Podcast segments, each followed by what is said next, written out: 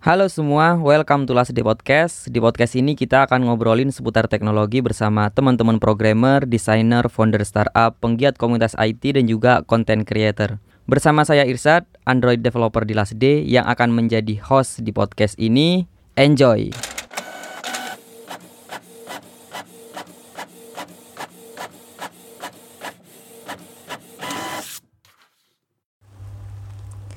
Podcast episode kamu masuk ke top 3 di Last Day Podcast Sob. Gimana perasaan kamu?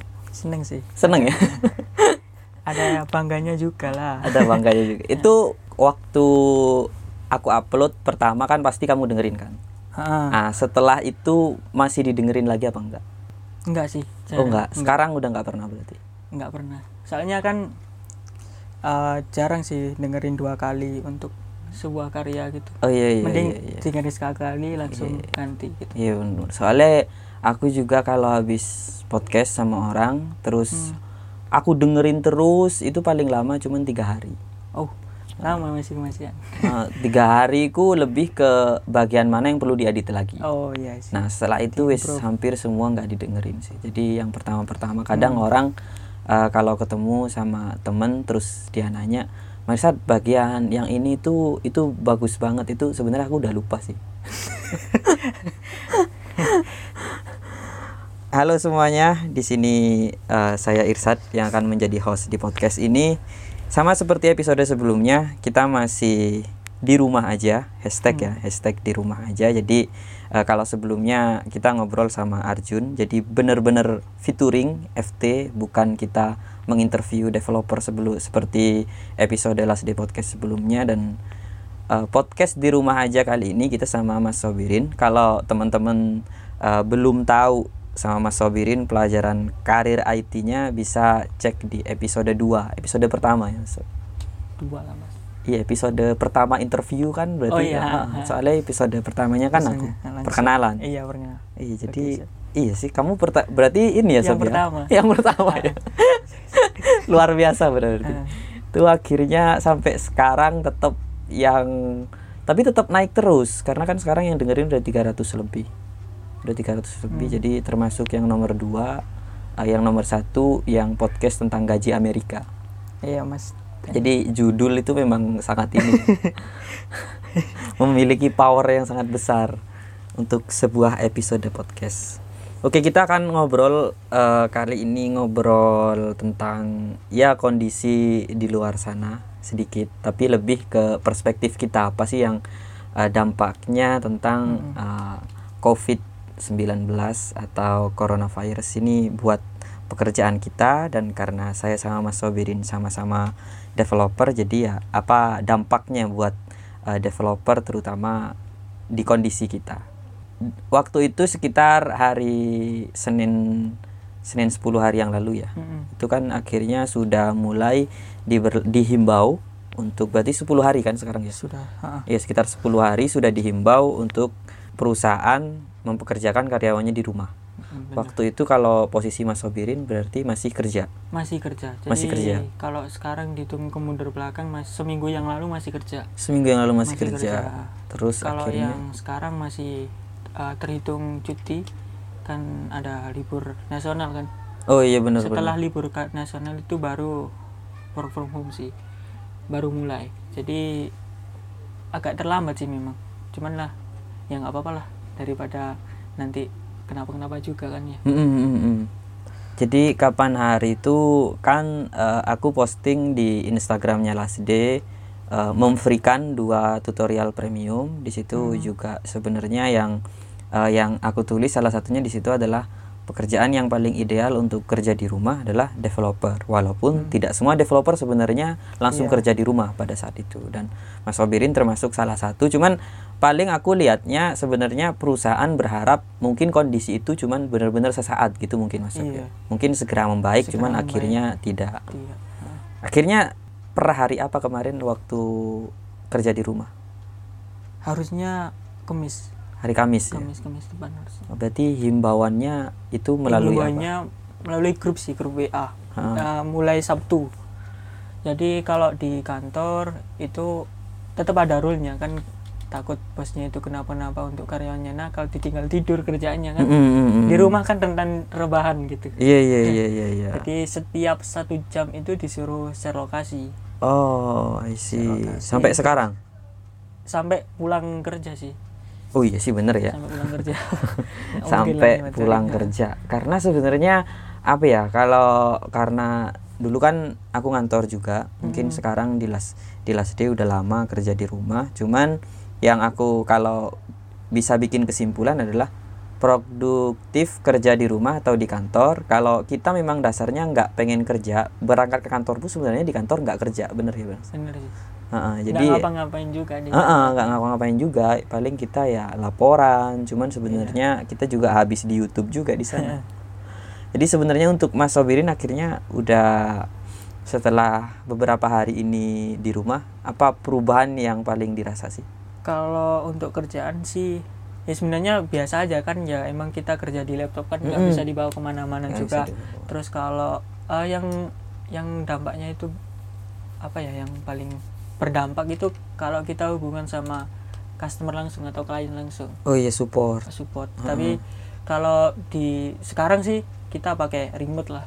Pakai remote. Eh, jadi beberapa di developer ki- eh, di kantor kita developer kita itu ada eh, sinambungan bersinambungan langsung sama kliennya. Oh iya iya iya, iya. jadi selain developer dia juga ada sinambungnya sama klien. Mm, jadi, support kliennya by masuk remote. klien, ah, by remote nggak Oh, semuanya anu sih dapat cuman salah satunya saya dapat juga. Nggak semuanya bisa kerja di rumah? Nggak nggak nggak eh, nggak semuanya kerja di rumah pada waktu hari itu. Oh ada tetap ada yang perwakilan di kantor. Oh iya iya iya. jadi ada beberapa orang yang tetap harus Nah, datang ke kantor. cuman di di kantor itu dikasih jarak. Mm, mm, mm. Ya, Terus kemarin Mas Sobirin sempat pulang ke rumah. sempet Nah kondisi di rumah seperti apa? Kalau boleh cerita Mas Sobirin kan kerja di Surabaya, Iya, rumahnya di di Mojokerto. Di Mojokerto. Jadi waktu pulang itu langsung ditanya sih Mm, sama orang tua, nggak libur. Oke. Waktu itu aku belum baca apa informasi dari grup WA. Kalau sudah boleh kerja di rumah. WA. Ah, Oke, Jadi siap. aku bilang belum belum belum ada anu sih, belum ada info. Jadi ya tetap kerja. Pun meskipun kalau aku kerja di rumah, aku tetap kerja di kos. Itu tetap kerja di Ya, kos. Kalau di rumah itu nggak ada koneksi juga. Oh iya iya iya. iya. rentan disuruh-suruh. Oh iya benar ya kan kita masih siap. kecil gitu bantu inilah bantu itu Ah, itu. Oke oke. jadi tetap aja aku balik ke Surabaya terus ya orang tua sih umumnya kan ya khawatir ada panik paniknya juga Mm, cuman kan kita udah sering dapat literatur untuk apa ya pencegahan itu kayak gimana kan Iya iya iya. ya paling pas itu ya katanya Mas Radit itu lah kalau kita mau menghadapi kepanikan ya dengan pengetahuan Dengan gitu. pengetahuan. Oke Jadi siap. kalau kita tahu ya seminimal mungkin kita nggak panik gitu. Meskipun ada ada Hmm. panik itu ada sih nggak bisa dibohongi kan ya. Oke oke. Ada nggak sih pihak-pihak di keluarga yang eh, masih kerja? Masih kan keluarga apa kan petani jadi tetap Mm-mm. keluar. Masih ya? Masih nggak keluar. mungkin dia ninggalin sawahnya itu. Oh iya iya. iya, Nggak benar, mungkin. benar.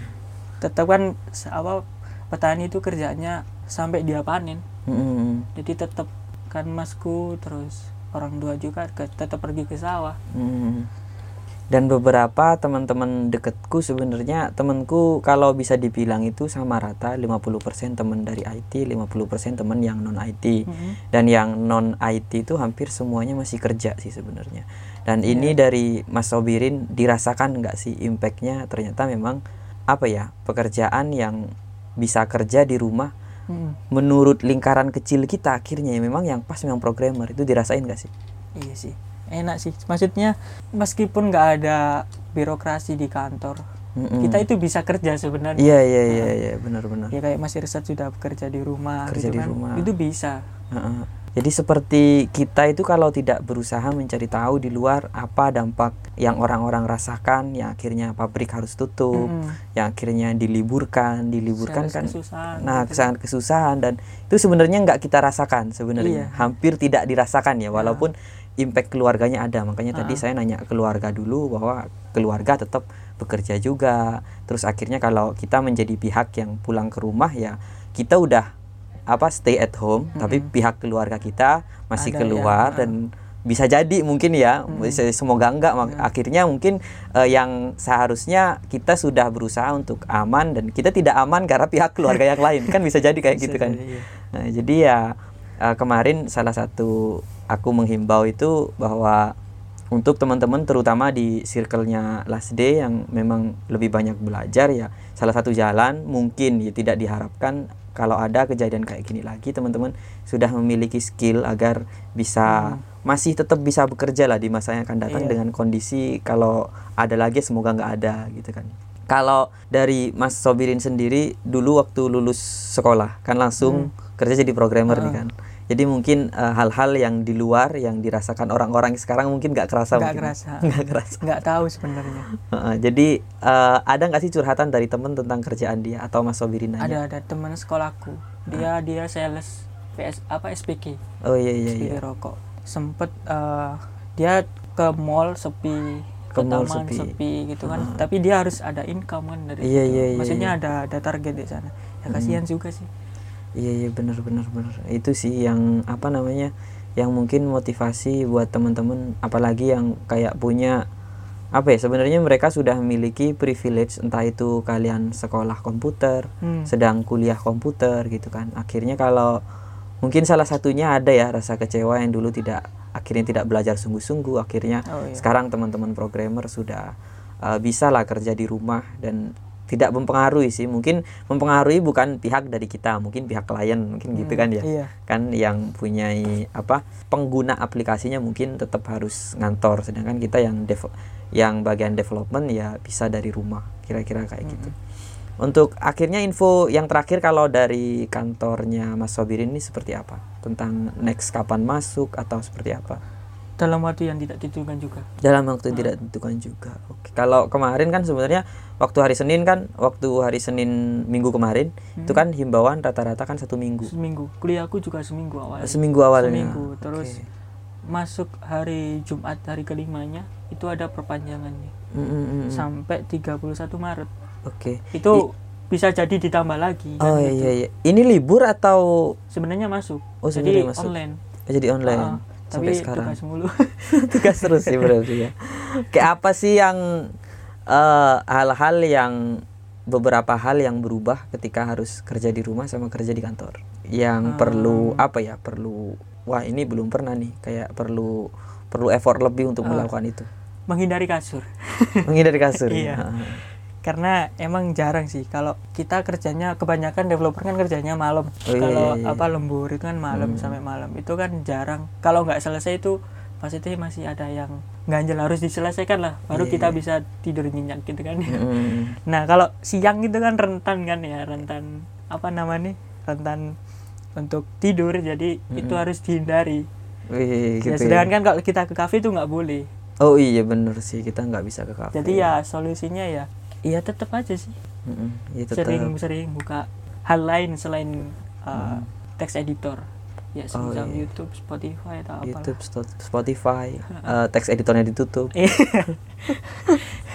cari di Spotify Let's Play Hmm. Podcast gitu kan Karena aku udah lama ya, aku dari 2017 sebenarnya kerja di rumah itu eh, sebenarnya sampai sekarang cara menghindari kasur biar nggak ketiduran itu kayak nggak ada caranya. Hmm. Jadi caranya memang pakai timer. Kalau capek duduk sejam, aku pindah berdiri atau minimal pindah. Kan di sini kan Mas Obirin kan lagi di tempatku sekarang. Kan ada meja belakang, ada meja depan kan ya. Hmm. Minimal aku biasanya pindah. Kalau udah dua jam di belakang, aku pindah dua jam ke meja depan. Oh. Kayak gitu sih. Jadi kalau nggak dampaknya itu kan gini kalau di kantor itu kan nggak ada untuk tempat untuk sel- Ah, selonjoran ah, atau iya, iya, iya, kan iya. tempat cuma tempat duduk Ah, aja jadi kalau aja. udah maksudnya udah bosen maksudnya udah Hmm. penat gitu kan kita ke temen Iya iya iya. ngobrol atau Ah, ah. bantulah Iya benar. terus atau guyon lah Mm-mm. Nah, Dan kita sama-sama memiliki tanggung jawab bekerja kalau di Ah. kantor. Jadi mungkin eh, kita mau menggosip, mau gosip pun, mau cerita yang seharusnya panjang lebar, kita tahu batasan. Kalau di rumah kan enggak. nggak ada nggak ada siapa-siapa Nah, kan ah, nggak ada siapa-siapa. Kalau kis- kita YouTubean bisa kebablasan, Ah, ah. tidur kebablasan. Iya. sulitnya di sana memang Ah, sulitnya di situ sih. Jadi sebenarnya kerja di rumah, apalagi buat kita yang dalam tanda kutip tidak memiliki tanggung jawab yang besar akhirnya kayak nanti aja lah gitu Iya. kan YouTube dulu lah gampangin mudah gampangin emang Ah, di kantor aja mudah gampangin kan? Mm. daripada apa lebih dari di rumah kan gitu. Apa tempat dari Mas Sobirin yang kita kan sebagai developer kan udah di rumah terus sudah Hmm. mudah lah harusnya. Apa ada nggak sih tempat umum yang nggak bisa dihindari? Indomaret mungkin? Iya. Indomaret ya? Terus sebenarnya warkop sih. Warkop? Tapi karena warkopnya itu bukan nongkrong di sana. Mm-mm. cuman beli terus dibawa pulang. Oh gitu. Ha. Terus kan kalau di Surabaya kan kemarin yang kayak di Oh di iya, apa sih? kemarin yang di disuruh tutup. Itu kan sebenarnya warkop warkop besar sih. Besar ha. Nah, yang kerumunannya banyak. Kalau yang warkop kecil sih banyak di sini masih buka Masih semua. buka. kadang itu aku heran ya. Jadi di gang di gang sini itu sebenarnya tetangga itu tetangga ngumpul sama tetangga kadang mereka Hmm. juga ngumpul di warkop yang dibahas mereka corona. Tapi mereka Tapi mereka berkumpul. bahasnya berkumpul. Ah, tapi mereka bahasnya berkumpul. Jadi kayak gitu. Kalau di kalau Mas Sobin waktu pulang ke Mojokerto kemarin gimana? Tetap rame. Tetap rame? Tetap rame. Di itu kan masih anu ya tesnya kan masih berlangsung. Rapidnya itu masih berlangsung. Jadi Mm-mm. kalau nggak salah itu masih ada suspeknya ada tiga oh gitu jadi belum ada yang positif oh waktu iya, itu iya, waktu, itu, ah. belum ada yang positif cuman di diawasi tiga Mm-mm. itu tetap rame sih masih rame ya? masih rame cuman beberapa orang udah apa ya udah udah ada panik di sana maksudnya nyetok apalah nyetok sanitizer terus masker itu Oh, udah ada iya di iya sana. iya iya iya. Baik panic buying. Ya, ah, masih. Iya, iya, bener ya. Dan ada juga lagi sih mas, apa namanya mudah termakan hoax mereka. Oh iya iya Ya. benar. Kemarin kan ada yang singa itu, dia. Yang singa di luar. Ah, itu di sana rame. Oh. Terus kan dicari sama temanku, ternyata itu hoax. Aku share juga. Iya sih. Jadi mudah lah kayak gitu. Apalagi kan dibenturkan sama agama. apalah, gitu Oh kan. iya iya iya iya, Ya. iya sih. Kalau sekarang kondisi Mojokerto seperti apa? Sekarang sih udah Hmm. mulai sih, mulai maksudnya ah, nggak serami dulu lah. Oh iya iya. Udah udah banyak yang di rumah. Oh, Takut iya. lah. Tapi angkanya naik apa enggak? kalau angkanya tetap tetap ta- kemarin tiga terus yang masih di tes itu banyak Oh. Ka- kalau yang kemarin itu petanya masih per kabupaten per Oh. Jawa Timur itu iya kan. iya Nah, iya yang, iya. yang yang barusan aku lihat itu udah per, kac- per kecamatan per kecamatan. Mm, udah Hmm. ada Yang tapi kemarin seluruh kecamatannya itu nggak ada yang positif masih diduga masih Oh, diawasi masih masih, di- oh, iya, diawasi iya. ya. Soalnya kemarin sebelum kita podcast ini aku ngecek juga di Ngagel, kita kan di Ngagel kan sekarang. Hmm. Di Gubeng ya. Di Gubeng belum ada. oh Di Gubeng belum aman. ada. Cuman Surabaya sudah zona merah dari Iya. kemarin-kemarin kan dia. Nah, jadi yang tadi waktu uh, aku minta Mas Sobirin ke sini itu kan aku nanya, ngapain dari Mojokerto pindah ke zona merah kan gitu Hmm. kan. lah kerjaannya butuh koneksi Butuh koneksi. Oke, siap. Terus kemudian distract dari keluarga Ah, gitu keluarga. ya. Uh, takutnya di sana memang beda sih itulah yang pengen aku sampein mungkin eh, kalau aku cerita ke orang-orang aku tinggal sama saudara padahal saudara nggak satu rumah sama aku kan Hmm. cuman deketan aja jadi kalau temen-temen kerja di rumah terus habis itu kalian sedang duduk bersama orang yang sedang tidak bekerja Ah. kalian bisa kebablasan iya Heeh. bener Eh, kayak ngobrol mau ngobrolin apa nih mau ngobrolin YouTube kalian bisa kebablasan beda kalau ngobrol di kantor mereka sama-sama tahu Iya. batasan habis ini kerja habis ini kita harus ada deadline habis Hmm. ini kita report kan kayak gitu. Kalau dari kejadian ini aku ngerti kalau freelance itu juga berat. Berat sekali gitu kan? Ya ampun tapi sebelumnya kan Mas Sobirin dulu ada cerita bahwa pernah freelance sebelum kerja. Pernah kalau freelance di selain kantor ada. Kalau yang barusan remote Mm. ada juga. Ya. Tapi sebelum ngantor ini pernah ngerjain sesuatu nggak? Ada dua mas kalau nggak salah. Nggak ngantor nggak ngantor oh nggak ngantor cuma tim aja by by by WA oh by WA Nah, by WA tele ya chat aja lah Oke, berarti sebelumnya udah pernah kerja dari rumah ya? Iya, cuman waktu mengerjakannya itu malam. ngerja. Oh, ngerjainnya malam. Malam kan. Oh iya iya. iya. Kalau apa ya rutinitas kan kerja pulang terus kuliah baru ngerjain. Oh. Jadi kan malam. Nah, jadinya malam. Nah, sekarang kan dari siang kita harus kerjanya di Iya, rumah iya. itu, Oh, itu iya, yang iya, benar, makanya benar. tadi yang harus uh, yang fokus gitu di siang gimana caranya nggak tidur. iya sih. Kemarin kan libur. Aku seharian Mas tidur, Mas. Oh gitu. seharian full tidur Enak. pada saat tidur pada saat jam kerja. iya Walaupun kita tidak di kantor itu tetap enak. Dan si dampaknya kita harus ngejar apa ngerjain yang kemarin yang belum dikerjakan Mm-mm. jadi kan apa kejar-kejaran Mm-mm. Uh, mungkin ini jarang orang mention ya. Kenapa sih programmer itu kayak kalau programmer biasanya cerita kenapa mereka lebih produktif malam. Biasanya pakai bahasa-bahasa filosofi, Hmm. kopinya lebih terasa lah ini. Padahal bukan itu sih. Kalau malam itu kalau kita kerja di rumah, anggota keluarga tidur. Mm-mm. Teman-teman yang mengganggu kita notifikasi di sosial media itu tidur. Iya, itu sebenarnya yang bikin kita produktif. Jadi bukan produktif, cuman kalian distraksinya kurang Heeh, nggak ada. Kalian mau mengganggu siapa juga yang diganggu tidur. Heeh. Yang akan mengganggu kalian juga tidur. Itu sih sebenarnya. Dia salah satunya memang notifikasinya dimatiin kalau siang. Ya tadi cuman balik HP-nya lah Nah, tapi tetap aja nanti tetap aja kita tetap dibuka. itu sih eh, kalau Mas Sabirin sekarang akhirnya aktivitas eh, selama di rumah nggak biar nggak ngantuk ngapain aja biasanya? game Oke. Apakah itu sesuatu yang mendukung pekerjaan? jauh sebenarnya cuman gimana ya kalau nggak ngantuk kalau di apa di rak buku belum ada buku baru juga jadi nggak ada sih yang buat untuk melek gitu loh Oh, kan iya. nggak ngopi juga aku mas air putih aja jadi Terus sekarang untuk apa ya atasan atau lead project cara ngawasinya seperti apa?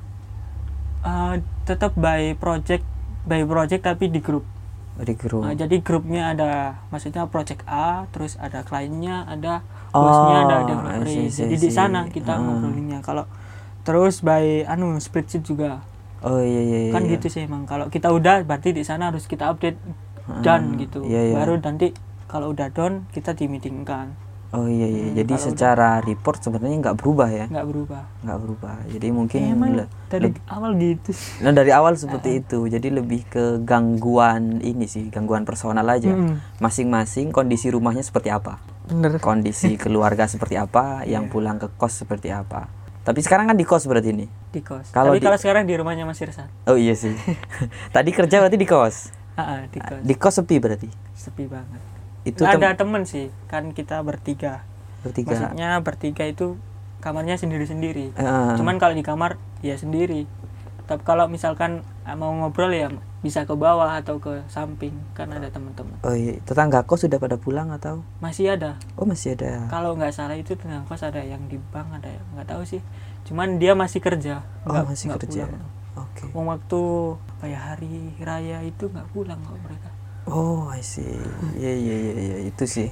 hari Ah. raya nggak pulang apalagi gitu kan ya sudah wis Kemarin sebenarnya aku sempet kayak ngajak teman-teman yang lumayan apa ya, ya lumayan punya power di sosmed, ya kayak kawan coding, job hunt untuk apa ya kita eh, membuat sebuah apa challenge eh, Instagram Story buat memotivasi orang-orang agar mau menambah skill yang bisa dikerjain dari rumah. Nah, yang bisa ada dia bikin sesuatu, cuman bu- belum kesampaian sampai sekarang sih. Karena menurut menurutku itu penting paling tidak bukan untuk kalian harus segera resign sih, tapi paling enggak ada hal-hal yang kita itu kayak ada improve skill lah "Ah, ah, ada aman lah, ada kita punya kondisi amannya kita backup gitulah. Uh, Bisa aja kan ya kita kan sekarang kerja di rumah karena COVID-19 karena kondisi keadaan Kondisi. sebuah negara gitu lah kan. Cuman kan bisa aja kena PHK. Kan ada hal lain sebenarnya yang mendukung. Jadi sebenarnya kita harus belajar skill agar kita bisa kerja online itu tidak harus menunggu fenomena uh, virus corona dulu. Sebenarnya kan kayak gitu kan ya. Iya benar Cuman memang kemampuan di apa ya di sosial media kalau secara konten orang-orang uh, tidak terlalu tertarik dengan konten edukasi. iya dari dulu sih Heeh. Kalau Mas Sofirin sendiri konten yang paling sering dikonsumsi apa sih? yang lucu-lucu meme Oh gitu ya. Nah, kalau biasanya kalau di sosmed di Twitter kan suka ada yang lucu-lucu gitu Heeh. jadi setiap scroll tertawa gitu ya Oh gitu. yang membangkitkan rasa semangat aja sih Oh gitu. Ah. kalau kalau konten belajar sebenarnya itu kalau kita sudah uh, ada rasa ingin untuk belajar baru kita cari mm, mm, kalau penat terus nyari belajar kan tambah mumet mm, mm. Kalau cari konten belajar biasanya kita bookmark dulu kan. ah di bookmark di download Di download, ditumbuk aja ditumpuk semua. Nggak ada yang ditonton kan ya? nggak ada jadi memang KBDM ah, aja. berarti kalau kayak gitu mungkin eh, aku simpulin sedikit sebenarnya kita untuk konten edukasi itu nggak bisa kayak tiba-tiba mengalir aja kita tiba-tiba terus belajar itu berarti nggak bisa kalau Hmm. aku simpulin dari Mas Sobirin mungkin itu juga terjadi sama aku juga sih jadi sebenarnya kita aku ngebukma kadang di keranjang Udemy itu banyak tuh kan Hmm. sampai sekarang tuh kan banyak kan jadi sebenarnya kayak kita memang harus apa ya harus mengatur agar waktu itu menjadi ada dan itu nggak bisa tiap hari Hmm. Iya, mungkin bisa. eh, pada saat momen tertentu kita eh, mau nargetkan misalkan kita pengen belajar sebuah framework jadi kita memang Hmm. Iya. menargetkan satu minggu lah dari satu minggu itu biasanya aku targetin harus segera selesai karena apa setelah itu aku pengen nonton film selama dua hari dua malam jadi kayak aku, aku, aku sampai kayak gitu jadi apa nanti eh, apa ya reward buat aku kalau aku menyelesaikan tutorial ini apa misalkan Ah. aku mau nonton langsung dua film dalam sehari biasanya aku kayak gitu sih Iya benar. Hmm. Kemarin hari udah ada kerjaan sampai lembur tiga hari. Ya Mm. dengan rutinitas itu ya, pulang Mm. kerja kantor terus kuliah terus lembur Mm. tiga hari. Terus baru dua harinya tuh aku lihat film full, full full, wes Ah. rebahan full. Inilah kehidupanku. iya iya sih jadi aku memang merasakan hal seperti itu jadi orang-orang kan eh, kemarin aku eh, waktu ngisi acara di Probolinggo itu ada pertanyaan yang sebenarnya umum tapi memang harus dijawab. Mhm. apa suka duka jadi programmer? Sebenarnya suka duka dari programmer itu adalah ketika kamu baru belajar itu sudah berduka. Itu adalah sesuatu yang sulit. Jadi pertanyaannya bukan kapan terusan kita menjadi jago? Nggak. Kita nggak akan pernah menjadi jago kalau ada di dunia teknologi. Tapi lebih ke bagaimana kita mengatasi hal-hal yang membuat kita menjadi eh, sakit ya dalam tanda kutip. Jadi harus kita harus menyelesaikan tugas. Setelah menyelesaikan tugas kita mau ngapain? Mau mancing tujuh hari tujuh malam? Oh, mau iya, eh, eh, jadi kalau kita kita punya hobi yang lain kita mau jalan-jalan. Jadi bener-bener nikmati itu jalan-jalan kalian. Besoknya kita kerja lagi. Iya benar. Ah, jadi pusingnya itu ya tiap hari sih. jadi hobinya Mas Sabirin apa aja nih? Kalau di rumah ini, Ah, ah, di Di rumah. ya tetap sih pagi tetap nyalain Spotify dengan speaker yang keras. Yang keras. Oke, Terus nice. buka buka baru buka text editor. Mm. terus lihat list-list yang belum diselesaikan kalau udah dikerjakan terus list update terus baru rehat Oh, Rehat. gitu. ya YouTube lah ya Netflix lah apa gitu terus kalau nggak ada maksudnya nggak ada yang menarik dari sana baru ke game baru Oh, hubungi gitu. temen ayo lobby Iya. ayo lobby Oke, ini nggak kerasa sudah sudah mau 30 menit. Biasanya kan kita 30 menit.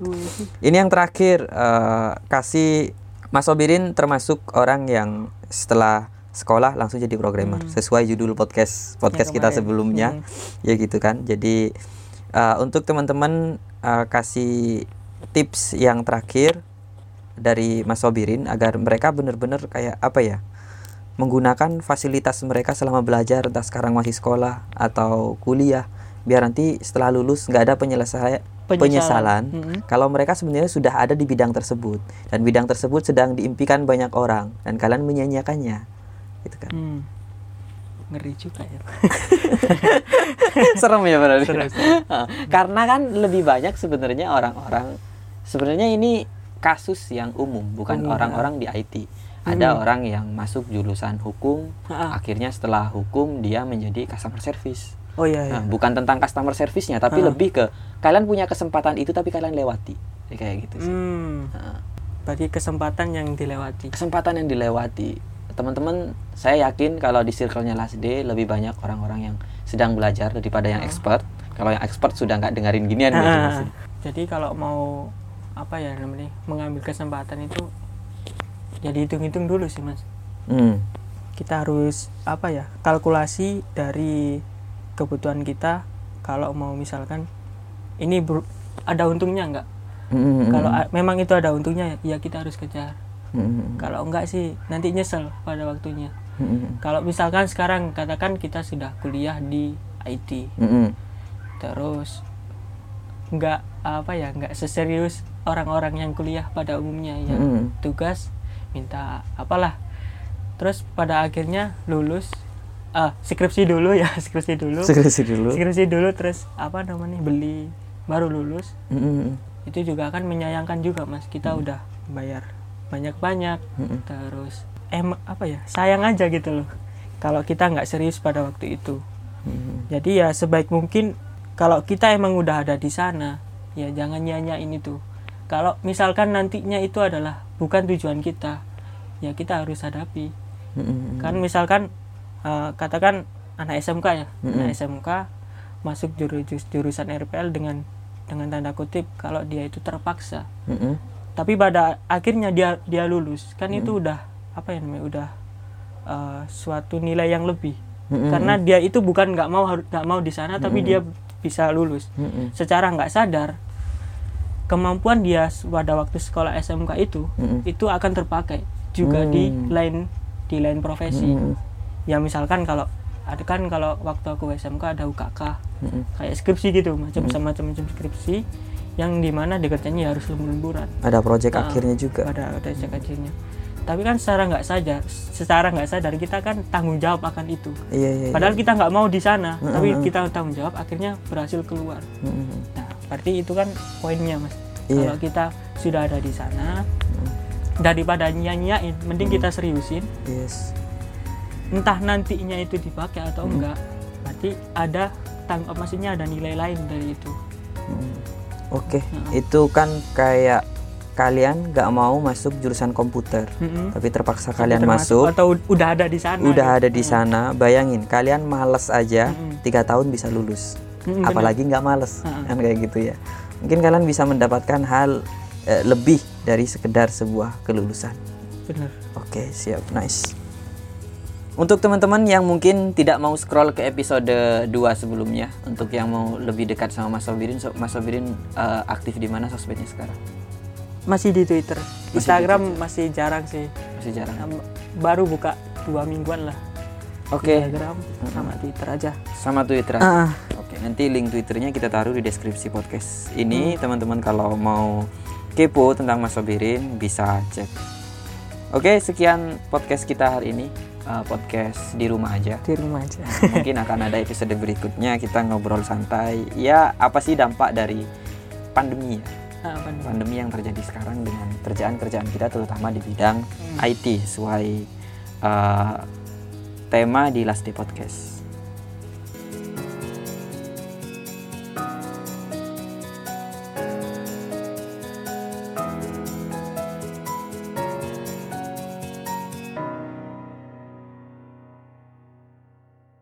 Terima kasih sudah mendengarkan podcast ini. Kalau kamu suka, jangan lupa share ke teman-teman kamu melalui sosial media. Kalau kamu punya kritik dan saran untuk channel podcast ini, kamu bisa DM kita di Instagramnya lasd at lazdayd dan sampai ketemu di episode berikutnya. See you guys!